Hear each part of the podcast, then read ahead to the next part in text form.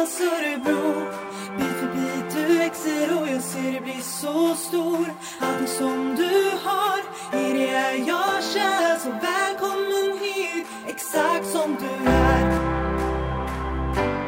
Ja, hej och välkomna till eh, våran livesändning av podden Tonårstiden. Hur svårt kan det vara? Ja, hej och välkomna som sagt. Och idag är det som du sa, Jessica. Helena heter jag förresten. Och Jessica heter jag. ja.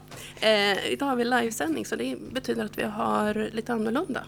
Vi har publik idag Mm. som är och lyssnar på oss och våra gäster. Mm. Och det är ju för att vi har våran förebyggande vecka här på förebyggande enheten som vi har bjudit in till den här livepodden. Mm. Eh, och idag har vi bjudit in Matilda och Amin Välkomna. Tack så mycket. Tack. Mm.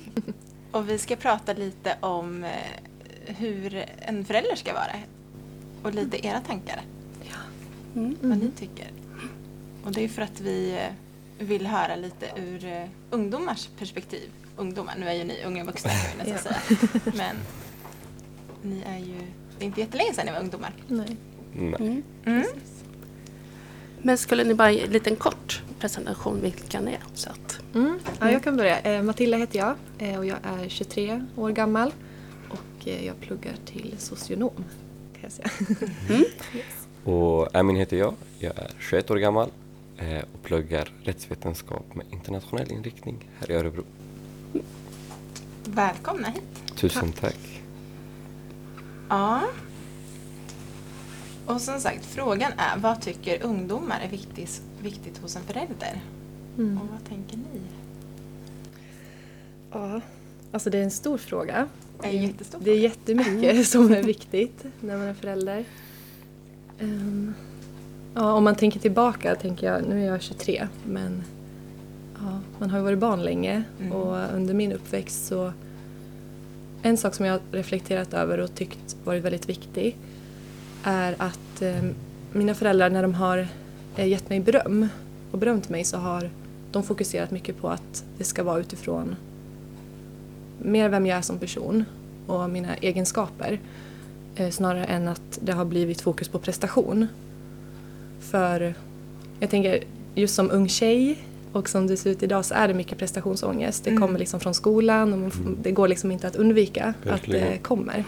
Och jag tror att mina föräldrar ändå har varit medvetna om det och försökt att när man kommer hem och hemma så ska det inte vara fokus på det utan mer liksom vem jag är och hur jag är som person, människa. Och det har ändå varit skönt just för att man, man omges av prestationsångesten hela tiden i skolan och du, med Mm. kraven på betyg och allt sånt där. Så att det, det har varit skönt och det har Mm. jag tyckt varit viktigt. Mm. Att de har sett mig och inte vad jag gör bara. Mm. Mm. Tänkt Grymt. Som du säger så, så är det ju en väldigt stor fråga. Mm. Eh, en sak som jag har tyckt har varit väldigt viktigt är att ha en förälder som eh, verkligen lyssnar eh, och tar till sig av det man säger. Eh, vissa gillar att bestämma med, vad ska man säga, med järnhand och i vissa fall kan det vara bra. Men det är å andra sidan väldigt viktigt också att lyssna. Det finns alltid ett men. Men mamma, pappa. eh, Den, det där menet är väldigt viktigt. Eh, för ett barn att få uttrycka sig och säga så som den känner och tycker och tänker. Mm. Mm. Håller med. Precis. Och det är någonting som vi pratar väldigt mycket om i våra föräldrakurser på föräldrastöd. Just det här hur viktigt det är att lyssna på sina barn. Och som du säger också, att fokus kanske är mer på Mm. att inte fokusera så mycket på prestation. Nej. Mm. För det är ju många tonåringar, både tjejer och killar, som Mm. eh, känner att de måste prestera mycket och eh, att det är mycket stress i skolan. Mm. Det har ju vi pratat Mm. en hel del om nu sista. Och i våran Mm. podd också, Ja. hur det ser ut. Just med psykisk hälsa och så. Mm. Mm. Mm. Men det är någonting som ni känner att era föräldrar har lyckats med då? Att lyssna? Hur har de, på vilket sätt har de gjort det, tänker du? Amin? Ja. eh, Har du alltid fått som du har velat? Nej, nej, nej, nej, nej, självklart inte. Och det är, det är väldigt viktigt också. Man, som barn och ungdom kan man ju inte, bara för jag vill resa till månen ska jag inte få göra det. Nej. Eh, det måste ju komma rätt tillfälle, så att säga. Eh, men vad ska man säga?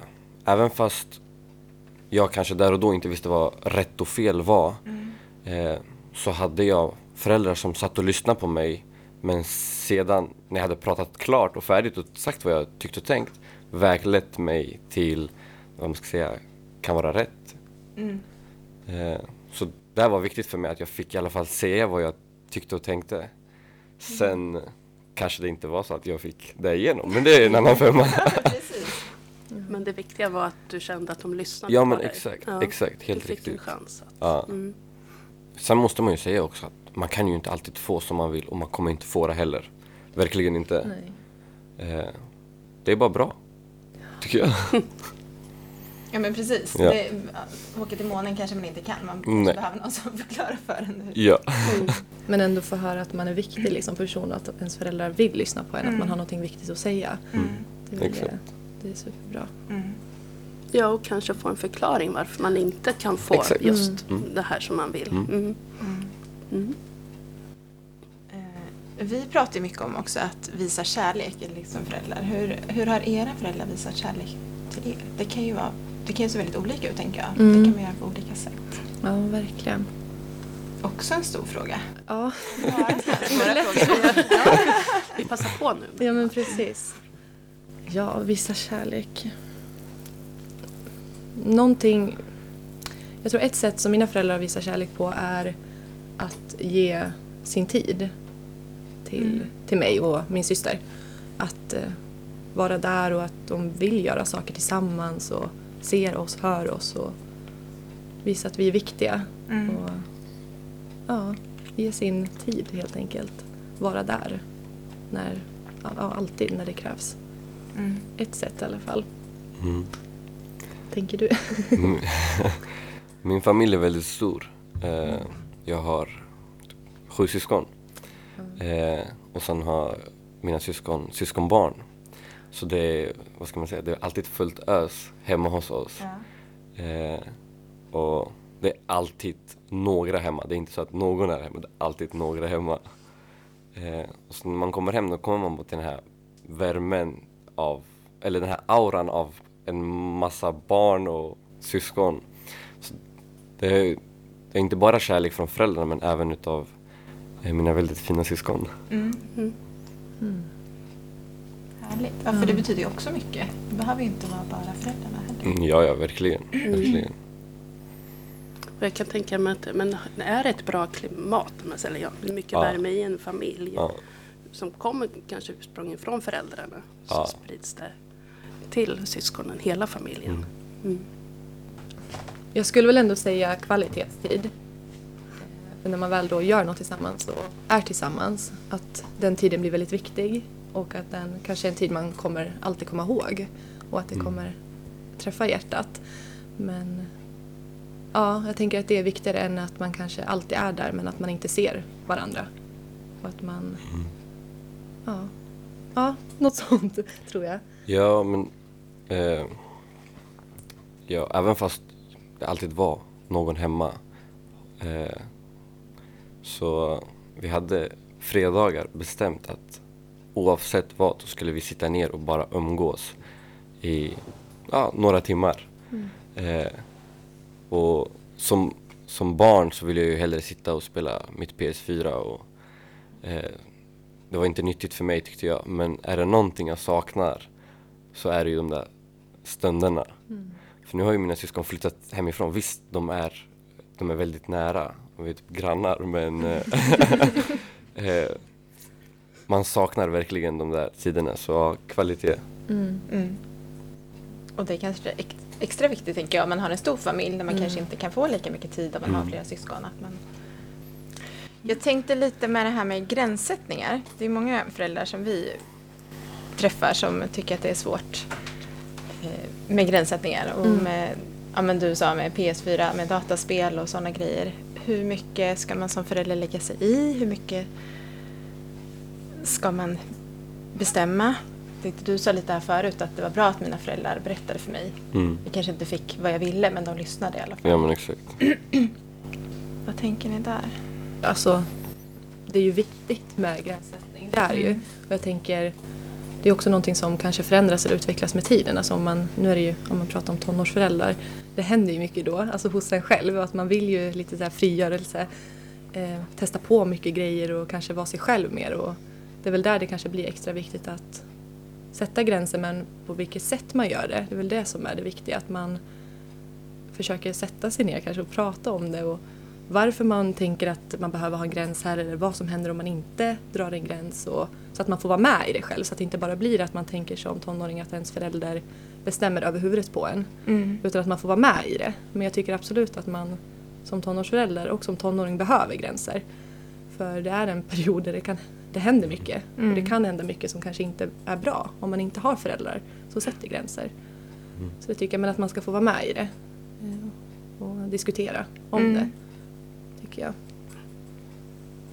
Och vara delaktig som... Ja, Som är- delaktig. Mm. Ja, alltså, jag tycker du säger det så bra så jag vet inte vad jag ska flika in. Vi är överens. Ja. Kan man lägga sig i för mycket då som förälder? Ja, det kan Ah. man ju också göra. För Det är det där, det är en hårfin gräns alltså. Det kan man absolut göra. Det är ju, man har en integritet som person, alltså, oavsett hur gammal man är. Mm. Och speciellt kanske den blir viktigare i tonåren. Mm. Eh, Så det där är, det är svårt. Man kan absolut lägga sig i för mycket. Och det är väl det också som jag tänker vikten av att man pratar med varandra. Vad som känns okej och liksom, så att man ändå är på samma plan. Att man vet vad ens barn tycker är. Liksom, det här är okej att vi pratar om och att jag lägger mig i och det här vill jag behålla för mig själv för jag är ändå en egen person och jag håller på att växa upp och liksom så. Mm. Jag tänker ändå att det viktigaste är att man, att man pratar om det. Mm. För annars vet man inte. Då kan det bli fel. Mm. Jag å andra sidan tänker som tonåring. Jag, jag ville dela med mig till mina föräldrar. Så alltså, om, om jag ska säga något så säger jag till tonåringarna. Var inte rädda för att prata med era föräldrar och visa och, vad ni tycker och tänker. Mm. Så föräldrar vill ju ens eget bästa. Mm. Eh, alltid. Mm. De vill ju sitt barns bästa mer än sitt eget. Ja, och det är väl där, just det där som är så svårt. Att vart går gränsen? När blir det för mycket? Och sen så också som du säger, man ska, man ska ju ha en öppen kommunikation Mm. och prata med sina föräldrar. Föräldrarna vill ju naturligtvis veta så mycket som möjligt. Ja. Men också att man som tonåring ska få lära sig att ja, men det här är mitt privata mm, område och sådär. Så att, eh, mm. Inte lätt. Nej, det är inte lätt. Men det är ju också en fråga som vi får ganska mycket. Ja, liksom, och, mm, blir en förälder orolig, då vill man ju veta och hur mycket ska man Mm. snoka, Mm. som kanske ungdomen tycker att man gör. Mm. Mm. Tänker ni att det är någonting som man inte ska fråga om eller inte vara nyfiken? Alltså det finns väl saker, men som, ja, jag vet inte, men spontant tänker jag väl lite alltså, om ens kärleksliv, Mm. om ens, alltså den delen kan man väl vara intresserad av men att man kanske får tänka lite för vad man ställer för frågor där. Mm. Så att man kanske inte antyder saker eller tror att det är på ett sätt som det inte är utan att man får vara, vara kanske lite försiktig där. Mm. Tänker jag, men nyfiken men kanske inte har rätt att veta allt. Utan det är Mm. ändå ens egna. Hålla det lite privat kanske. Mm. Mm. Att man kan vänta tills att man berättar själv. På så sätt få reda på det. Exakt. sådana fall. Mm. Mm. Ja, för vi brukar ju prata om att man ska försöka bjuda in Ja. till att berätta, göra saker och liksom få att som förälder skapa tillfällen Mm. när man kan sitta ner och prata om olika saker. Mm. Om det. Mm. Ja, det kanske blir lättare då att prata om dem också, kanske lite mer känsligare grejerna. Liksom man tänker att Mm. det är svårt att ta upp och prata om och hur ska jag göra det här? Och det blir Mm. kanske mer naturligt. Men man sätter sig ner och bara har en öppen dialog. Mm. Mm. Men ändå tänka sig lite för vad man ställer för frågor och hur djupt man går in. Eh, ja, beroende på hur gammal man är kanske också. Ja. Mm. Sen är ju ungdomar väldigt bra på att prata själva. Så Mm. mm, Pratar en hel del om de får tillfälle. Mm. Så som du säger, om man bjuder in så har de alltså det är chansen att öppna upp sig och berätta precis som, de, som de tycker och tänker. Mm. Eh, Och sen är det någonting de inte berättar så kanske de inte vill berätta. Men det skadar ju inte att fråga heller. Men Nej. viktigt att tänka på hur man frågar. Mm. Det är nog det viktigaste. Ja. Mm. Och att det måste vara okej att ändå få ha sina lite hemligheter. Ja, man måste få exakt. vara sin Ja. egen person. Mm. Ja, precis. Man kanske frågar men man kanske inte kan räkna med ett svar. Nej men precis. Man kanske behöver fråga flera gånger Ja. också. Och då är det inte, alltså, då är det inte dömt som ungdom att säga att men det vill jag inte prata om. Det skadar inte heller. Nej. Jag tror också mycket som ni pratade lite om i början också, att det kanske handlar om tid. Att man har tid Mm. att sätta sig ner och prata. Mm. Inte bara om de där viktiga sakerna utan det kanske är då de kommer om man pratar om andra saker. Mm. Och du sa också det, Mm. när ni hade den här kvalitetstiden. Mm. Mm. Och det är väl där många familjer kanske inte riktigt får till idag. Tycker jag. De föräldrar som vi möter. Mm. Då ska man avhandla allting under middagen och då ska man ställa tusen frågor och då är det ingen ungdom Inte som vill då, svara på de frågorna. Mm. Precis. Men kan ni, för vi brukar ju ge lite tips, som, som sagt middagen som du sa nu, det kanske inte är det rätta tillfället. Men kanske många tycker, men nu sitter vi ner och pratar. Men skulle ni kunna ge några förslag, tips? Det här kanske är en jättesvår fråga, men ändå. när, skulle, när kan det vara ett bra tillfälle att prata? Vad kan man göra istället för att ta upp saker kring middagen? Jag tror en del föräldrar funderar kring det. Mm. Ja. Försöker tänka tillbaka. Ja. När mina föräldrar om de ville ta upp någonting. Ja, alltså, jag tänker, man vill ju att det ska vara en avslappnad miljö. Jag tänker så att man bjuder in till samtal. Men vi hade många samtal när vi åkte bil, minns jag. Mm. Alltså att det blev, det kanske inte blev jättelänge eh, vissa gånger. Men det blev inte heller, nu sätter vi oss ner och nu ska vi prata.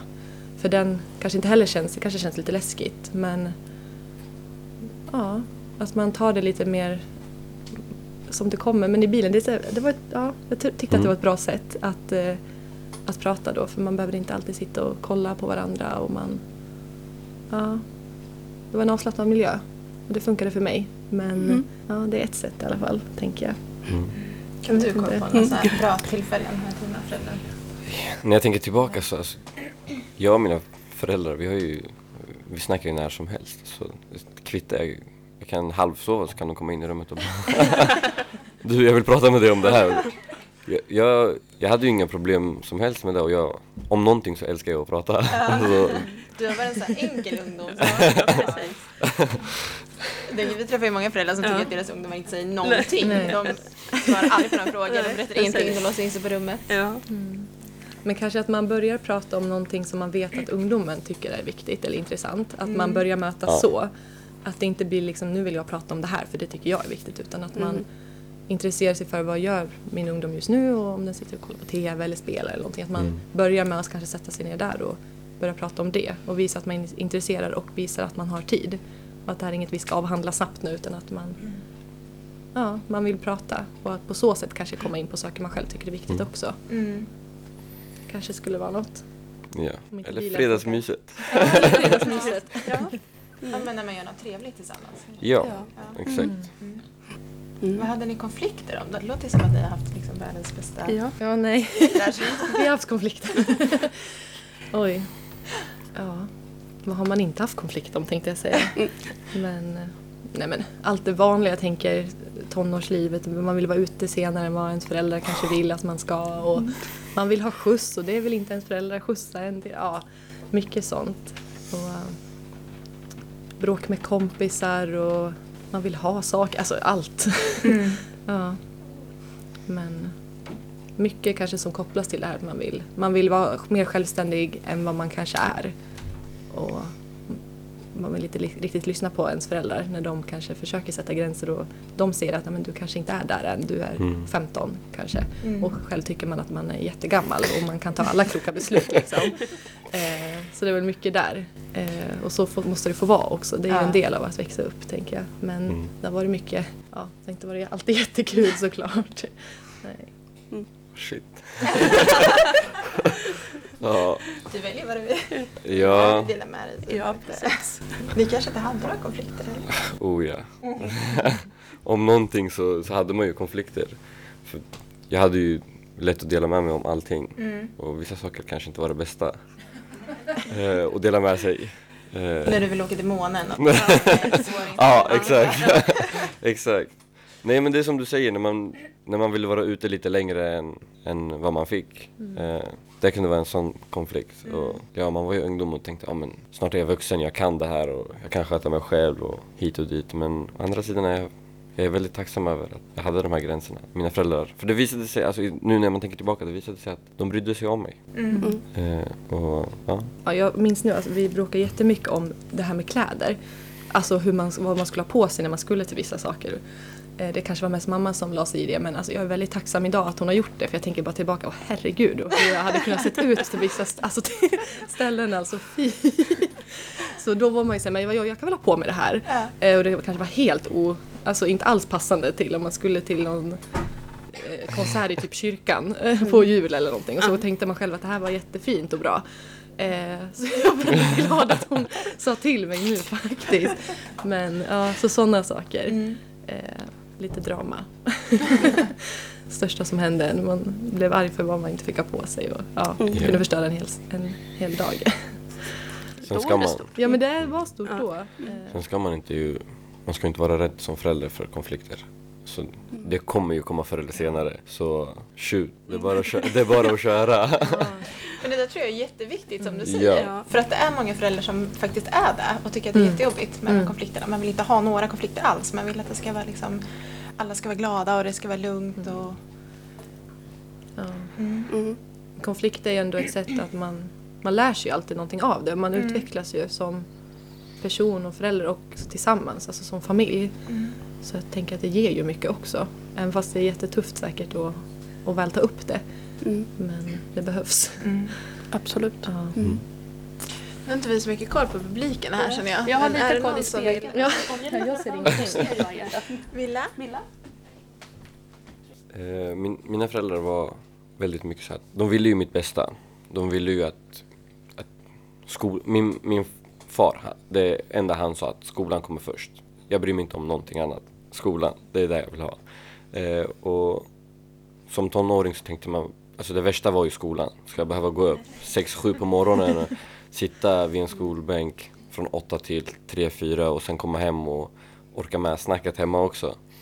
Eh, men nu i efterhand så tänker jag att som sagt, mina föräldrar ville ju mitt bästa.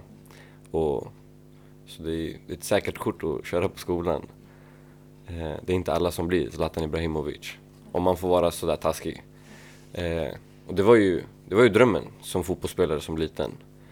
Eh, men en sak jag då inte skulle göra var att kanske vara lika hård som min far. Och han, eh, han brukar skämta och säga att ja, säg att vi är nio miljoner i Sverige. 11 spelar på plan. Resterande sitter hemma och tittar på. Eh, det där är ju det där är väldigt tufft att höra som tonåring.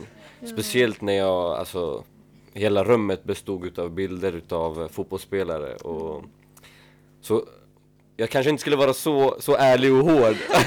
jag hade kanske lagt fram det på ett annat sätt. Att alla kanske inte lyckas, men alltså kör hårt. Och jag, och jag tror på dig. Eh, men sen å andra sidan också, min, min far, alltså han, han älskar ju skolan och han vill ju mitt bästa. Det, är- det är ju därför han ville att jag skulle köra på skolan. Ja. Jag kom, inte, jag kom inte på något som jag tänker att jag aldrig skulle göra om jag fick barn själv. Men jag tänker på en skillnad kanske att jag skulle tänka lite mer kring än vad mina föräldrar gjorde. Eller, det var vad jag lekte med för leksaker som jag bara kom att tänka på nu. Men det var ju när jag var väldigt liten i alla fall. Men eh, jag lekte ju hej vilt med Bratz. Någonting, alltså, ja, om ni vet vad det var för dockor eh, och hur de såg ut. Och det kan jag tänka mig att det verkligen omedvetet har påverkat mig väldigt mycket. Eh, hur man tänker att man ska se ut och hur man ska vara. För det där hade ju mina föräldrar ingen koll på. Det var ju det som var det populäraste. Och det köpte alla till sina barn. Och jag hade ju hur många som helst. Eh, hur sminkade som helst och liksom kläder och allting. Och vad var jag? Alltså 10-11 år. Eh, och det är väl någonting jag har reflekterat över i efterhand nu att så här, ja, att man får ha lite mer koll kanske vad man ger sina barn för leksaker. Och speciellt om man inte är med heller och leker utan om man låter barnen leka själva. Och vad är det, vad gör man egentligen och hur blir det? Så det är någonting jag har tänkt på nu att det kanske inte var jättebra men ja, det var jättemånga som, ja, alla mina vänner lekte med Bratz. Det var ju en sån grej. Det var jättepoppis. ja, men så det är väl någonting. Mm. Ja. Hade ni pinsamma föräldrar? Ja, Mm. Men det värsta är att jag tänker nu att jag kommer bli precis likadan. det, ja, Nej men det är klart, alltså när man är i, speciellt då tonårstiden, alltså i, ja, en period där så tyckte jag verkligen allt som kom ut ur deras mun var pinsamt. Och hur de än rörde sig, vart de än var, allt var pinsamt. Så det spelade liksom ingen roll riktigt. Eh, så att, eh, ja, jag vet inte. Det, om, de, om det är någon gång de inte kan vara pinsamma. Jag vet faktiskt inte. Ja, det, är väl, ja, det kan de väl såklart men jag, ja, jag tänker tillbaka på att jag tyckte att de var pinsamma mest hela tiden. Eh, och jag vet faktiskt kanske inte riktigt egentligen varför nu, men det var väl bara att man... Ja, jag vet inte. Vet du? Har du något bra svar? Jag, jag har länge reflekterat över en viss händelse i mitt liv eh, när jag var med mina föräldrar på stan. Eh, och jag såg några klasskompisar en bit bort och då ville jag komma undan mina föräldrar för att jag skämdes över att jag var med mina föräldrar och att de var med vännerna. Eh, och fy fan vad jag ångrade. Alltså, eh, som ungdom, eller som barn, alltså du ska absolut inte skämmas för dina föräldrar. Absolut inte. Visst, ibland kan föräldrar säga vissa lite, lite dumma saker eller kanske inte så kloka saker jämfört med vad, vad man själv tänker och tycker. Men skäms inte för dina föräldrar. Alltså, absolut inte. Eh, där och då, ja, det var lite pinsamt. För dagarna efter när man gick i skolan så hörde man, ja ah, men du var med några gamlingar. Nej, det var mina föräldrar. alltså den, men nu, alltså, som vi gör nu, vi sitter och skrattar åt det. Alltså, Mm. Man ska inte skämmas för sina föräldrar.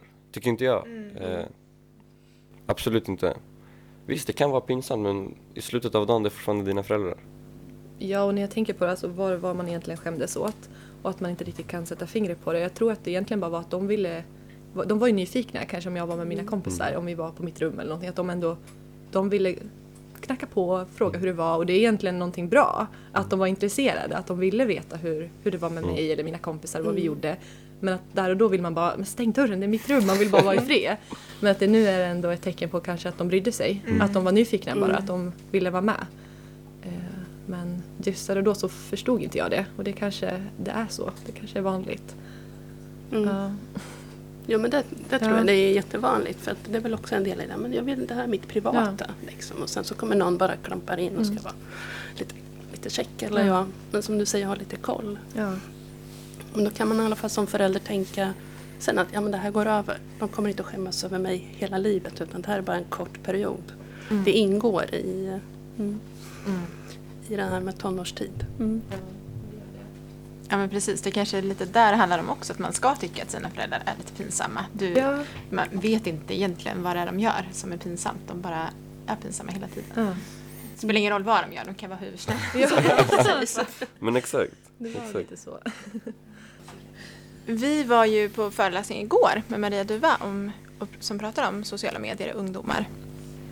Eh, och det är ju någonting som idag är väldigt aktuellt och som Mm. oroar många föräldrar. Och kanske stressar många ungdomar. Vad tänker ni om det? Ni är ju lite äldre så ni är inte kanske uppväxta riktigt med samma... Nej, vi har ju växt upp med internet och så. Mm. Eh, Och när det började liksom bli mer och mer populärt, att Mm. det tog över kanske fritiden. Att man var inne på MSN och det var bilddagboken och, och så. Ja, jag kommer ihåg.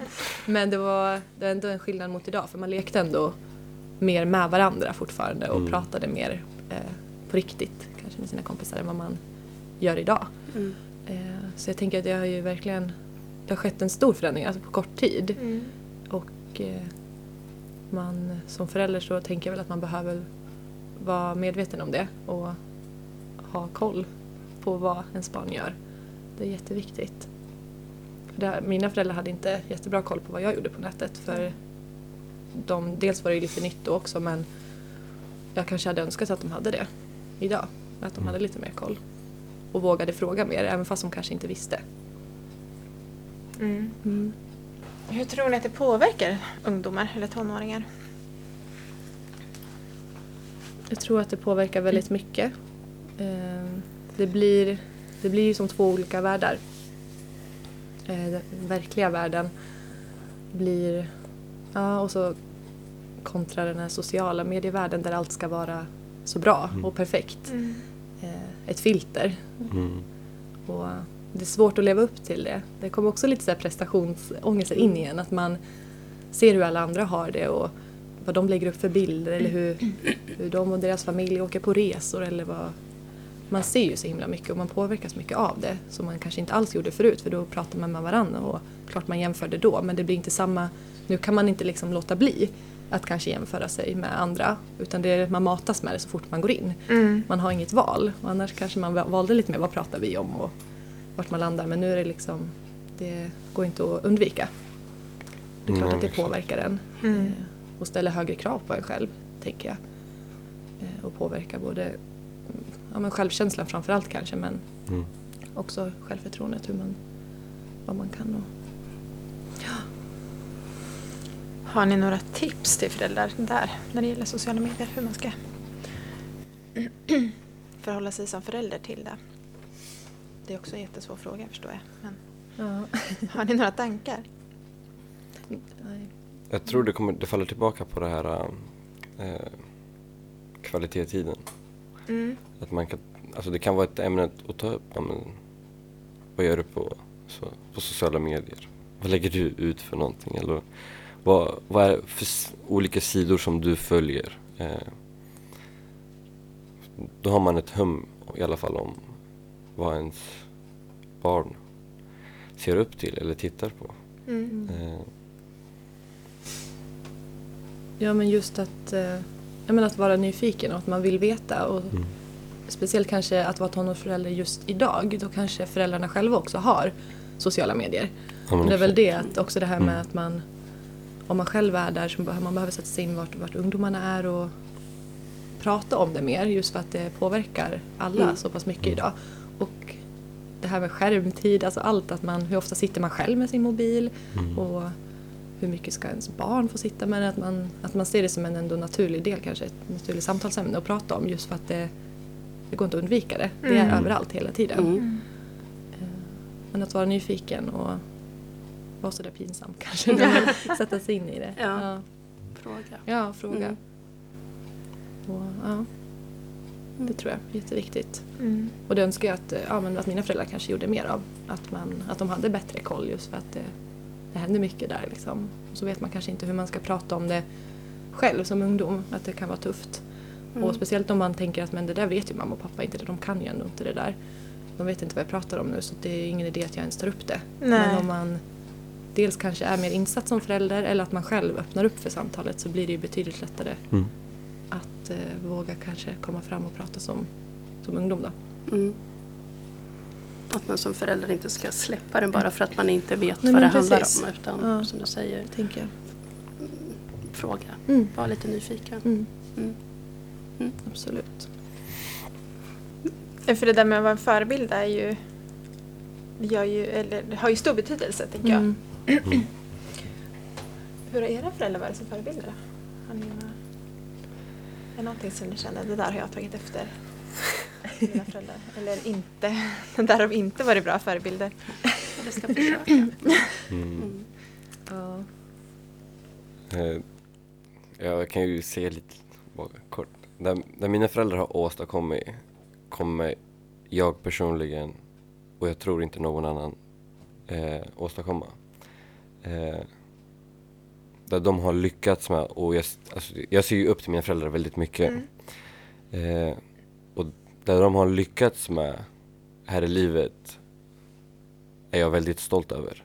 För jag har, jag har fått det så otroligt bra jämfört med vad de har gått igenom.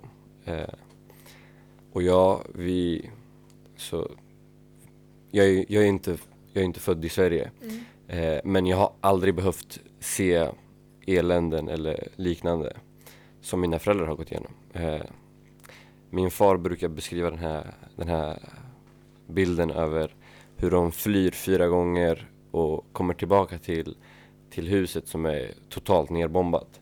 Eh, och jag själv när jag tänker, ja men vadå, jag bygger upp huset första gången, eh, vilket han gjorde. Och så behöver du fly bara en kort tid därefter. Och så kommer du tillbaka och så är det nerbombat. Alltså jag hade gett upp. Jag hade bara aldrig, vadå varför ska jag bygga upp det igen om, om jag ska komma tillbaka om tre fyra månader så är det nerbombat igen. Eh, det här gjorde min far fyra gånger. Och i efterhand nu när jag har besökt stället så huset står ju kvar. Och det är helt otroligt. Men jag, hade jag inte fått höra den här historien hade jag ju aldrig vetat att det har byggts upp fyra gånger. Eh, därför, där mina föräldrar har åstadkommit kommer jag inte lyckas med. Men jag ser upp till dem otroligt mycket. Eh, mina, jag, har ju, jag är ju född sent 90-tal. Men mina syskon som är födda tidigare, för jag är yngst i familjen, eh, de har ju varit med om det här. Men de kan inte på något sätt eh, beskriva en känsla om det negativa från det som har hänt. För att de har inte, mina föräldrar har inte tillåtit dem eh, uppleva det på ett sådant sätt. Eh, så självklart mina föräldrar är mina, mina största förebilder. Absolut. Eh, och ja, Ja. ja. ja. Det var jättefint. Ja. Nej, min uppväxt har ju skilt sig där. Det är inte på samma sätt. Men jag ser upp till mina föräldrar också och eh, min mamma och pappa är väldigt olika. Eh, så de är mina förebilder på lite olika sätt men eh, min mamma framförallt hon är en person som alltid ser det goda i alla. Och eh, många gånger när jag har kommit hem och kanske bråkat med några kompisar eller eh, uttryckt mig på ett dåligt sätt eller om någon och liksom pratat skit helt enkelt så har hon alltid sagt men Matilda hur tror du att den här personen har det hemma eller hur tror du att det här barnet mår egentligen? Eh, och vad tror du det beror på att den här personen gör så här eller säger så här? Det är ju någonting som ligger bakom och det är inte så lätt och man kan inte bara eh, säga massa elaka grejer om det utan man måste förstå och verkligen förstå någon annan.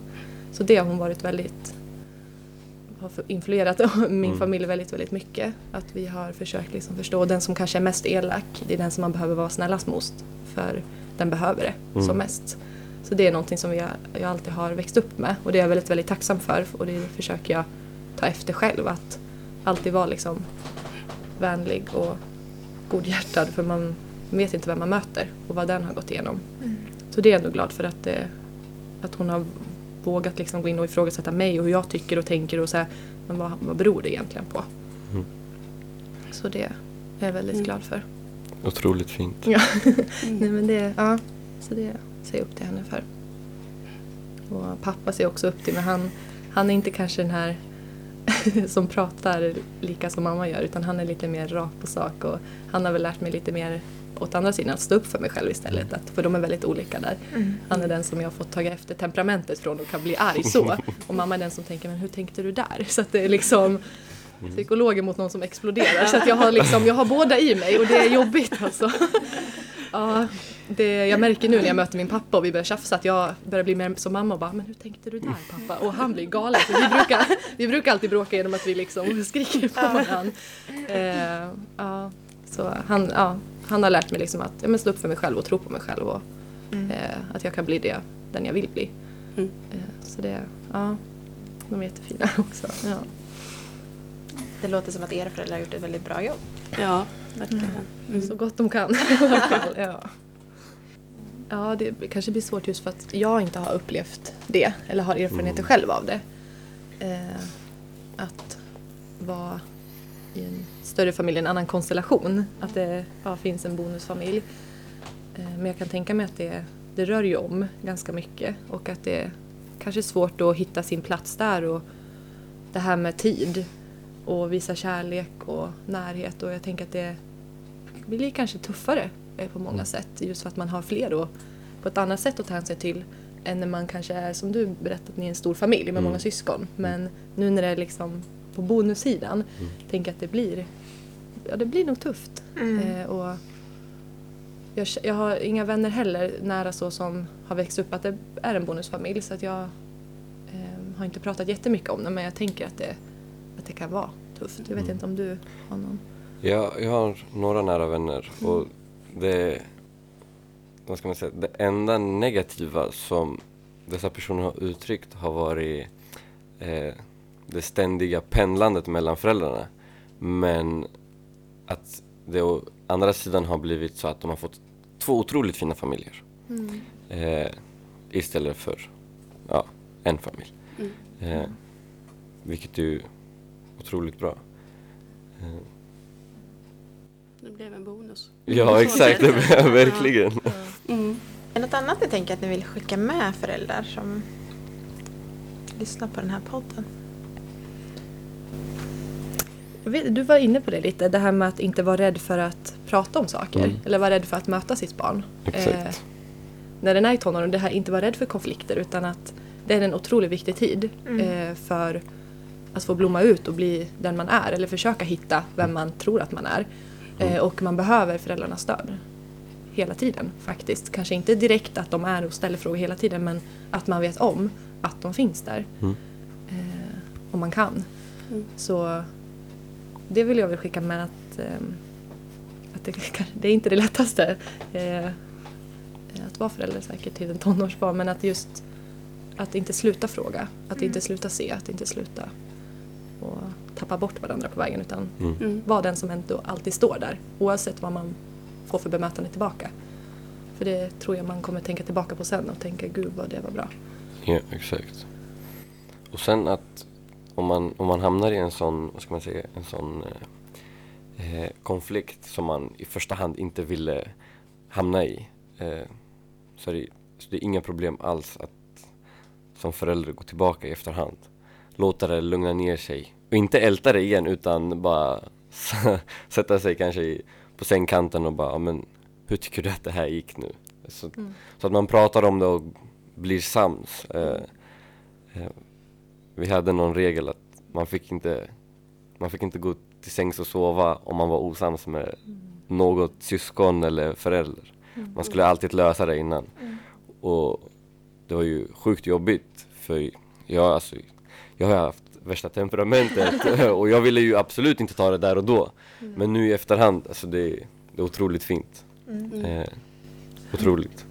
Jag tänker också lite på det här med eh, om man vill att ens barn ska vara ärliga och Mm. öppna upp sig att man tänker att många kan fastna i det här med att man om, att man inte vågar kanske berätta för sina föräldrar för man är rädd för vad man får för konsekvenser, att man blir utskälld eh, om man har gjort någonting dumt. Mm. Eh, och det vet jag att mina föräldrar både varit bra och dåliga på men att eh, jag hade kanske önskat att fått ännu mer av det här att det är okej eh, att du berättar, vi kommer inte bli arga på dig så Mm. länge du berättar.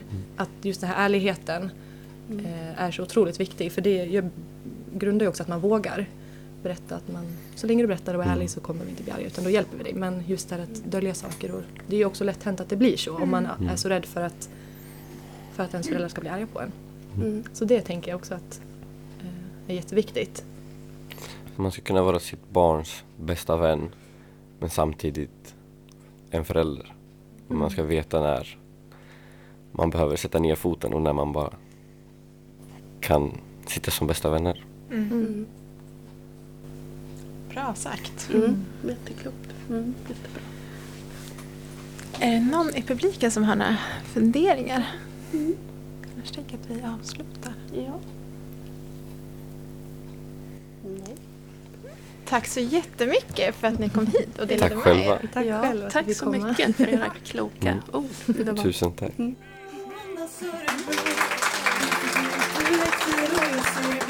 så stor Den som du har i det jag kär. Så välkommen hit, exakt som du är.